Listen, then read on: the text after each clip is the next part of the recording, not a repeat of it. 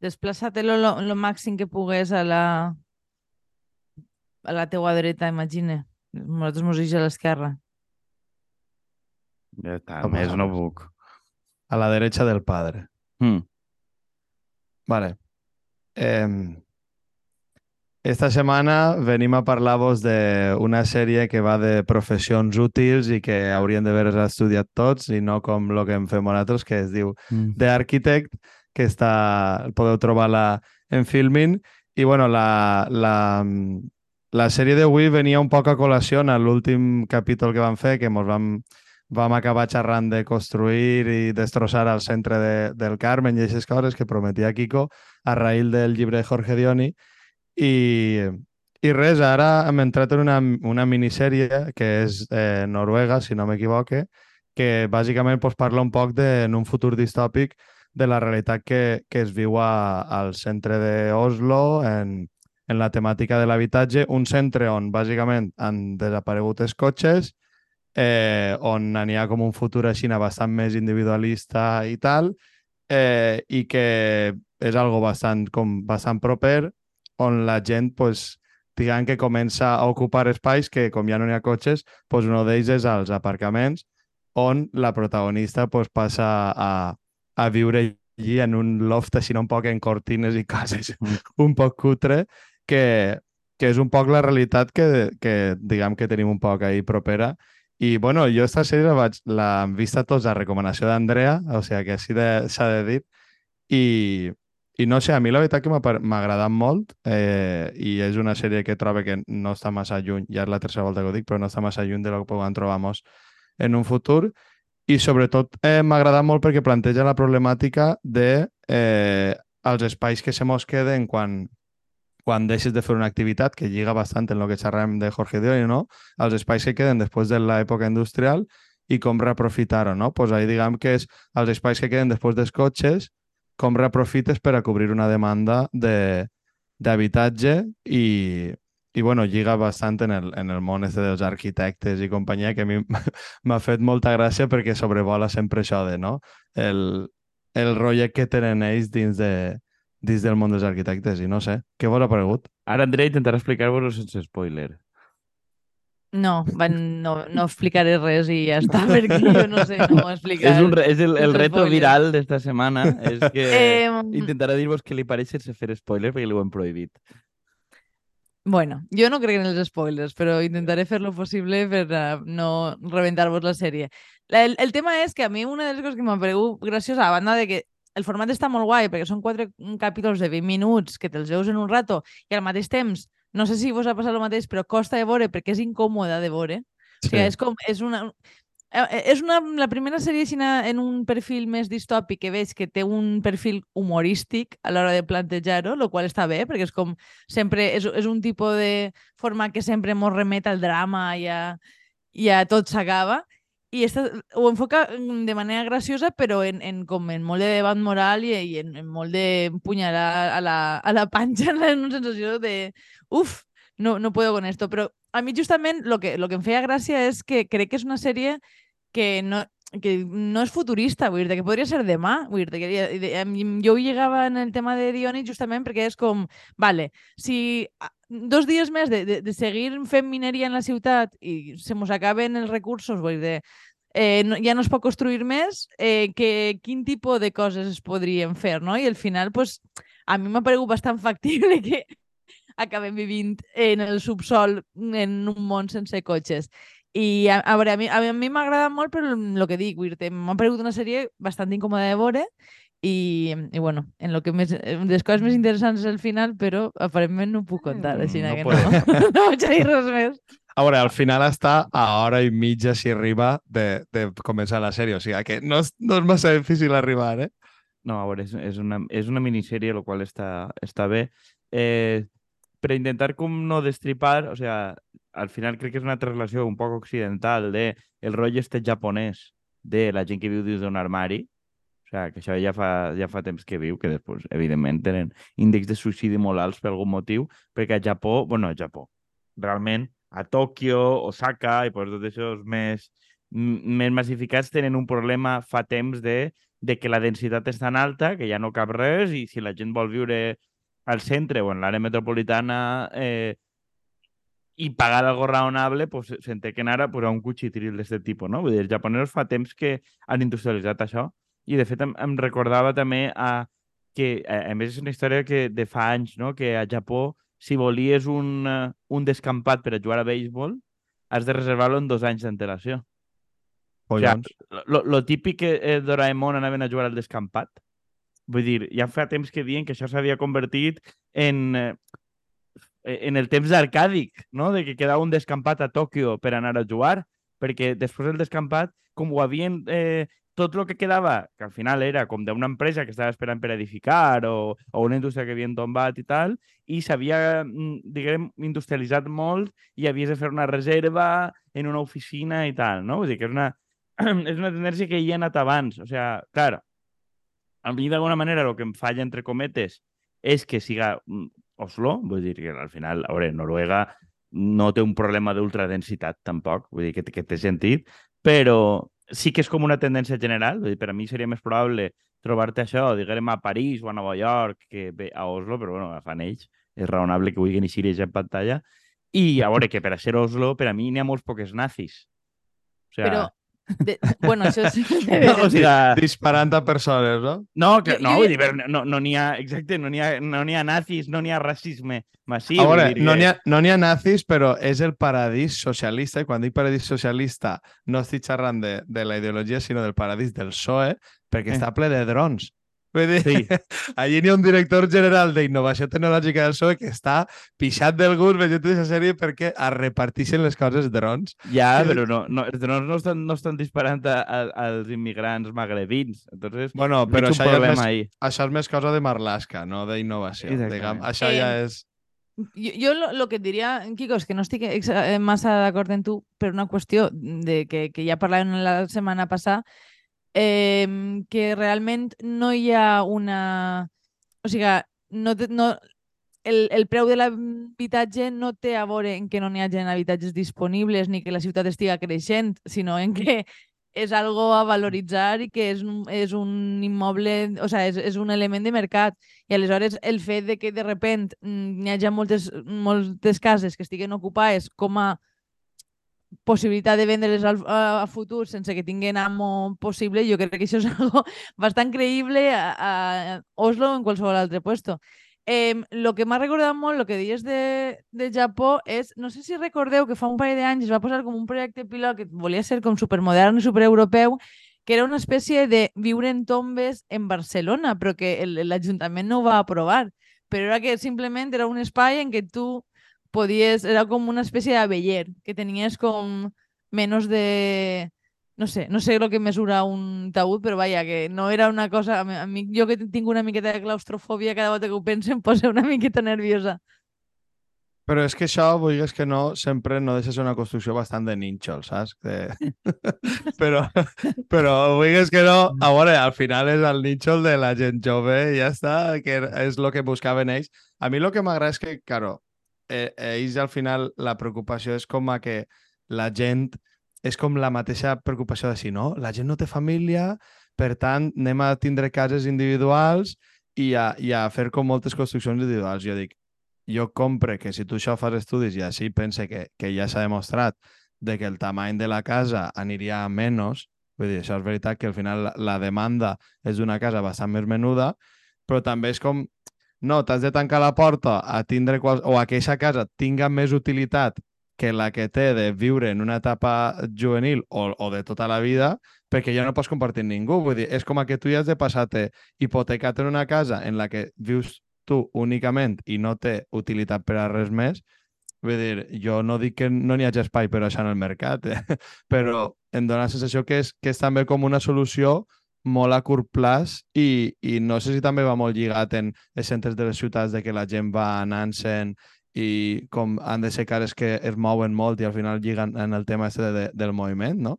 Que al final, és, pues, si és una casa menuda, pues igual te l'alquilarà un expat, vindrà, es quedarà i estem en el mateix problema. No sé si he, he tret molts temes, però Home, la, la casa eixa és de curtíssim plaç. O sigui, a mi em recordava més a, a la cabanya que teníem quan anem xiquets a la caseta de la Figuera. exacte. Vull dir, Tal que tenies, tenies els llençols de l'abuela penjant i ma abuela dient, això és de gitanos, no sé què. I jo deia, abuela, eres racista. Vull dir, perquè deia, saps com, inclusiu, pues, eh, realment eh, la, la, el, el plantejament és el mateix. La cosa és que sí que la, el, el rotllo això de casa efímera, jo- jo crec que és una cosa que, que sí que hem parlat, de fet, Andrea crec que és un tema que li, li obsessiona prou, no? de la, la gent que viu en, en, en diferents llocs al llarg de sa vida. No? No, diguem el, el salmó, crec que ho vam, ho vam parlar l'any passat, Andrea, no se te sent. Ui. Eh, no, que, que, que dic que eh, serà perquè igual m'ha mudat més voltes que ninguna persona que conec que estic obsessionat en eixa No, tema. però, sí, però que parlàvem del, dels, dels, dels vuelos, no? No m'ho dius tu que eren Sí, els no, vuelos perquè- d'Orba o algo així, no? Sí, sí, no, perquè això és una història que em va contar meu abuelo, que, que, que em pensa que és aplicable a molts puestos, que bàsicament ell em contava que eh, meu abuelo és estranger i ell viu pues, una caseta en, en Orbeta, que alguns dels seus veïns ara volien mudar-se al poble, perquè eh, ja tenien una edat en què començaven a tindre problemes de mobilitat i els feia susto morir-se en, la seua, en el seu xalet i que ningú s'enterara. Però meu abuelo dia, diu, això és tonto, uno, perquè no, i no s'han passat tota la vida sense aprendre ni castellà i per tant no parlen, i dos, és que el, el poble s'ha buidat perquè la gent jove s'ha anat a buscar-se la vida a altres puestos, no? I, i em recordes que quan estàs parlant tu, Juan, pensava en el llibre de Dioni i després també en Sènet, perquè una de les coses que més em va agradar del llibre de Sènet, que no sé si vam arribar a parlar mai d'ell, però a mi em va agradar moltíssim, que era construir i habitar, una de les coses que explicava era que quan, quan tu dissenyes una, un espai o un lloc eh, en una funció molt hiperespecífica, eh, mor molt ràpid. Vull dir quan, quan aquesta funció ja no, ja no és important, aquest espai s'abandona, no? I, I en certa manera també eh, pensava molt en això eh, l'altre dia, però com vam voler parlar de, de moltes coses no em va donar temps, i era, per exemple, els dissenys industrials en la ciutat, no? Vull dir, com aquests espais han, han, una volta no hi ha hagut industrialització, no, hi ha hagut, no es produïen coses, s'han abandonat absolutament, i l'única opció que s'ha tingut a posteriori és convertir-los o bé en cases o bé en restaurants, no? perquè no hi ha hagut una, com un relleu per a aquesta activitat. I, i, i pensa també com això aplica a, a, a la vida, però és que, és a dir, per exemple, n'hi ha moltes coses en, en barris concrets, la, el disseny que s'ha fet a aquestes ciutats mai, mai es va pensar per a que la gent envellira o per a nous usos, vull dir les escales mm, del Cabanyal, que és l'exemple que normalment pose, no permeten realment que una persona major visca en una certa dignitat i autonomia, perquè tu si has de pujar aquestes escales és, és fàcil que et desiomes, però és que tampoc permet pujar al carro de, del xiquet, ni de la compra, etc etc. no? Vull dir aleshores és molt fàcil que tu, la gent vulgui passar una etapa de la seva vida quan és més jove, no sé quantos ahir, i quan tinga un altre tipus de necessitat se'n vaja, no? I no tinc massa clar si això es pot contrarrestar. Vull dir, imagina que es poden fer com alguns canvis per a facilitat, però, per exemple, una casa del Cabanyà no té capacitat de tindre un ascensor. I, i el que diem la teoria, urbanísticament, no, probablement, per, si tens que respetar la façana, l'estructura tot el rotllo, no pots posar-lo. O sea, a banda de lo que diem que a lo millor n'hi ha només dos cases i no, no vas... T'ixiria per un ull de la cara, al final, per això, una família en xiquets, vale, però una, una persona major l'espantes i, i lo normal és que ho llogue. Lo- L'exemple que posaves, eh, Sennett posa un exemple clàssic de flipament d'arquitectes que era Norman Foster, que Norman Foster dissenya una ciutat en Àsia tal, d'estes modernetes, i Norman Foster, com que per a qui no ho sap, però tot el món ho sabrà, és un dels arquitectes més famosos i més flipats del món. Eh, mo, molt en la línia, o sigui, al final, a on treballa la protagonista de la sèrie és com una espècie d'èmul cutre de Norman Foster de Oslo, no? de lo doy todo per treballar en l'arquitectura. Vull dir, este tipus de persona eh, a Espanya s'hauria fet professora d'institut i ja està, vull dir, hauria, a, a, se n'hauria anat, perquè vull dir, la, la gent se l'acaba de pirar a aquestes coses de... Quan estàs 5 o 10 anys treballant en una cosa extra, al final se'n va de funcionar i tal, perquè és absolutament insoportable. Eh, pues, eh, eixa gent està tan flipada que té idees gilipolles. Una idea de Norman Foster és posar eh, carregadors de cotxe elèctric al costat de, de les fàbriques. Crec que era en Corea, Songdo, crec que era la ciutat de dia. Entonces, però Foster no pensa dos coses. Uno, quan, quan genera el voltatge és molt baixet i eh, per a lo que requereix un cotxe de Wii i només ho pensa per a cotxes elèctrics que, que de dos places. Tots són molt estrets. Què passa? Avui en dia la o sea, els carregadors que va posar Norman Foster no valen per als cotxes de Wii. Entonces, claro, ho ha, ho ha dissenyat tan perfecte per a un cotxe de fa 20 anys que avui dia un cotxe elèctric no entra, per tant, és una infraestructura absolutament inútil. I això ho ha fet el més listo del món, entre cometes, dins de l'arquitectura. Què passa? Vull dir, si tu tens eh, les fàbriques urbanes d'abans, per exemple, que són com les de Brooklyn, que és un poquet el que imita tot el món per a fer coworkings, co-livings i tota la verga, són fàbriques que estaven dins la ciutat per tant, és fàcil de reconvertir-les en una altra cosa, perquè estan al costat de cases, per tant, tu hi pots posar una oficina, pots posar altres coses. Ara, una, un, una indústria de polígono que està prendre pel cul, allí no vas a viure, no vas a fer absolutament res, no? que és una cosa que insisteix prou la gent de l'urbanisme dels usos mixtos. Si la fàbrica està al costat d'altres coses, igual és més reconvertible perquè pots pues, quartejar-la i fer cases, o quartejar-la i fer oficines, o fer botigues. Ara, si fas una cosa que és només un polígono que funciona perfecte, com deia Andrea, per a fer de polígono i per a fabricar sabates, el dia que no fabriques sabates això no val per a res més i es cau a trossos. Sí, una cotxera és, que... és un bon exemple d'això, que només val per cotxera, vull dir, només produeixes infrahabitatges, no pots fer res més allí, no n'hi ha llum. El, bueno, el problema però... és que que, que en temes de pol·lució, de medi ambient, no sé quantos, ni amb quin perfil de fàbriques pots posar-te en una ciutat, diguem, en uns estàndards de mm, benestar al voltant. Vull dir que, que això també genera problemes perquè no, ten, no tenim una solució intermitja per a, per a diguem, un, per, podem pensar que hi ha ja un futur en què hi ha ja una certa transició ecològica i els processos siguin més nets, però mentrestant ningú va voler viure al costat d'una fàbrica. Que parle Juan, l'enemic que... del medi ambient. No, però és que et dic una cosa. Una cotxera almenys es pot reconvertir en un taller. Vull dir, el tema és que tu ara ho estigues gastant per això, però eh, tu quan tens un polígon, que per mi és una com de les grans obsessions, que encara no ha entès la gent d'ací, ja que el programa passat, no sé qui se mos va dir que se m'havia quedat prou PNV a favor de la indústria i tal, doncs avui serà un poc més. El tema és, en eh, així està la creença de que tu al final has de fer polígonos per a que la indústria es desenvolupi i coses d'aquestes, no?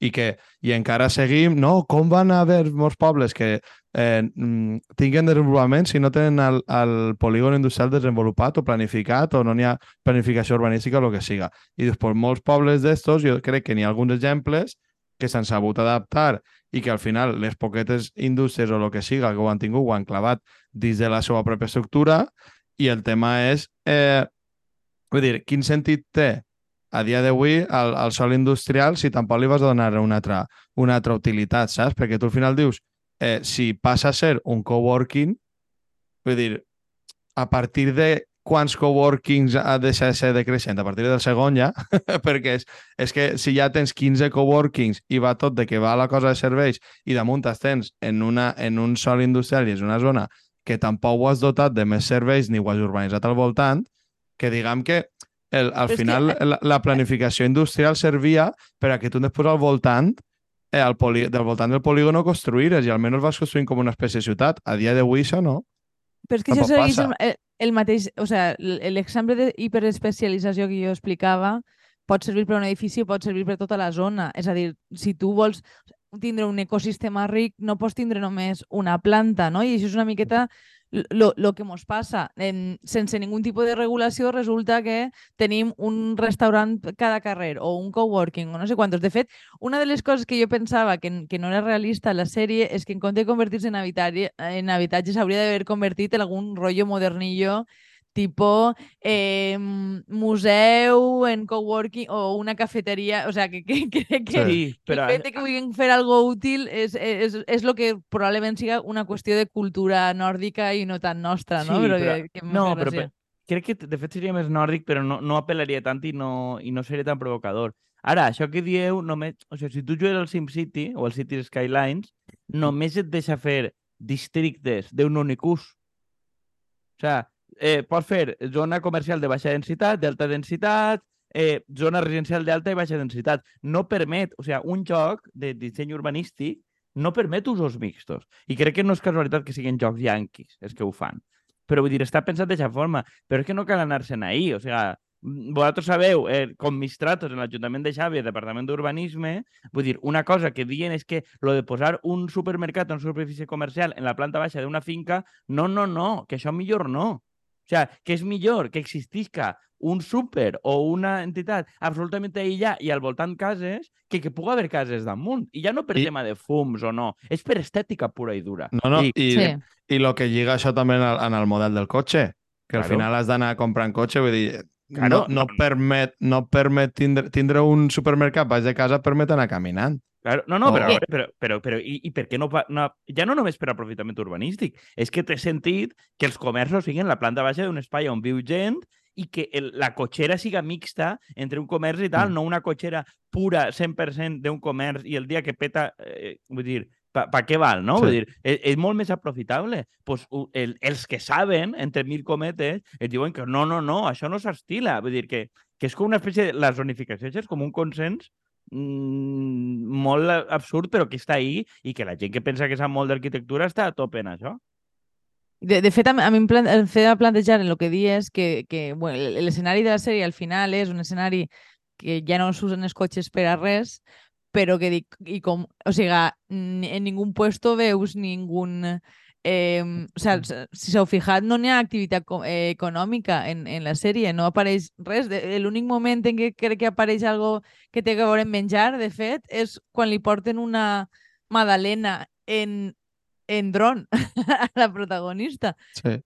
Jo crec que Però està bastant, està bastant lligat al, al, com a l'economia de serveis i de teletreballadors. Del coneixement. Que, que tenen, sí, exacte. És com una distopia eh, del model que tenen ara d'això. Però mira, per mi l'exemple perfecte de lo que dius tu de l'urbanisme, de la zonificació i tal, eh, és que en, en, en, en el tema d'urbanisme passa les dues coses que és, per un costat, quan tu ja tens infraestru- infraestructures fetes, passa com en la indústria i etc que tu, una volta ja s'ha fet la inversió, no vas a canviar-la perquè és molt car i no pots estar cada quatre anys canviant aquesta inversió, i per l'altra és en el tema de les idees, no? Com el que m'ha triomfat a mi com a arquitecte o com a tal, i jo m'ha tret la plaça, ha sigut això de la zonificació i tal, jo per a què vaig a canviar les meves idees, saps? És com la doble eh, rigidesa, tant per un costat com per l'altre, que dius al final, eh, és que ja no és que tingues estructures rígides i que estan especialitzades, és que també els gestors públics molts estan en, en, en temes que, que, pues, que és una rigidesa que no és normal. Vull dir, a banda de tota la protecció que ja van comentar en el, en el capítol anterior. A veure, però si en les escoles d'arquitectura continuen els gilipollades de Corbusier i tot això, vull dir que... Pues això. Vull dir, De és- fet, eh, quan estaves explicant tu la ciutat està en Àsia, jo pensava, vaig a contar-li una anècdota de la Índia, ja que estem, dir-te, vaig a fer Uf, una, tardava una ja. secció especial.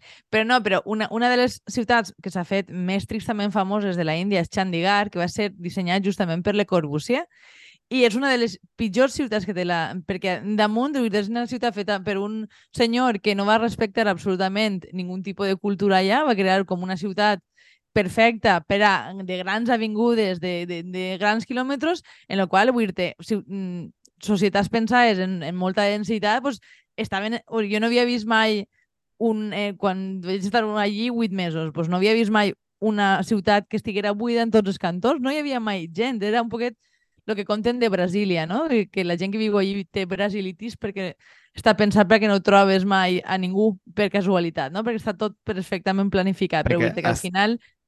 Eh? Perdona? Digues, digues. No, pensava que anaves a dir alguna cosa. Que, que, com a, que com a bons brasileños i com a bon... Està feta per als que estan, no pels que vinguin. Està feta pels que estan allí que se ho disfruten. Claro que sí. Ja està. Que, per cert, un últim apunt per anar tancant. Eh, sí que van xerrar de construir habitar en el capítol 10 de la primera temporada que es diu Urbanisme i lo que surja o algo així.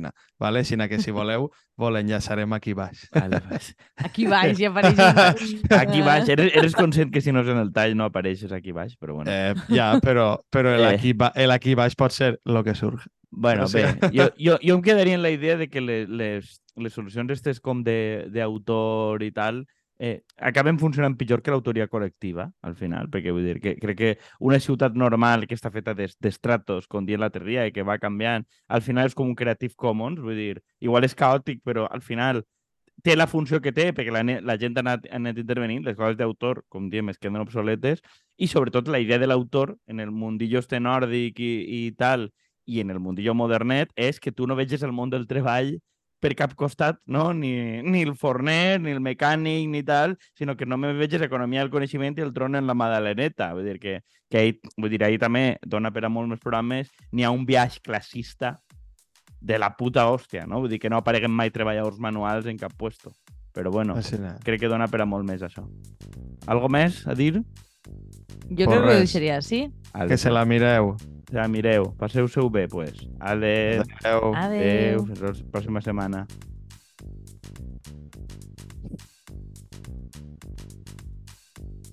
Vale.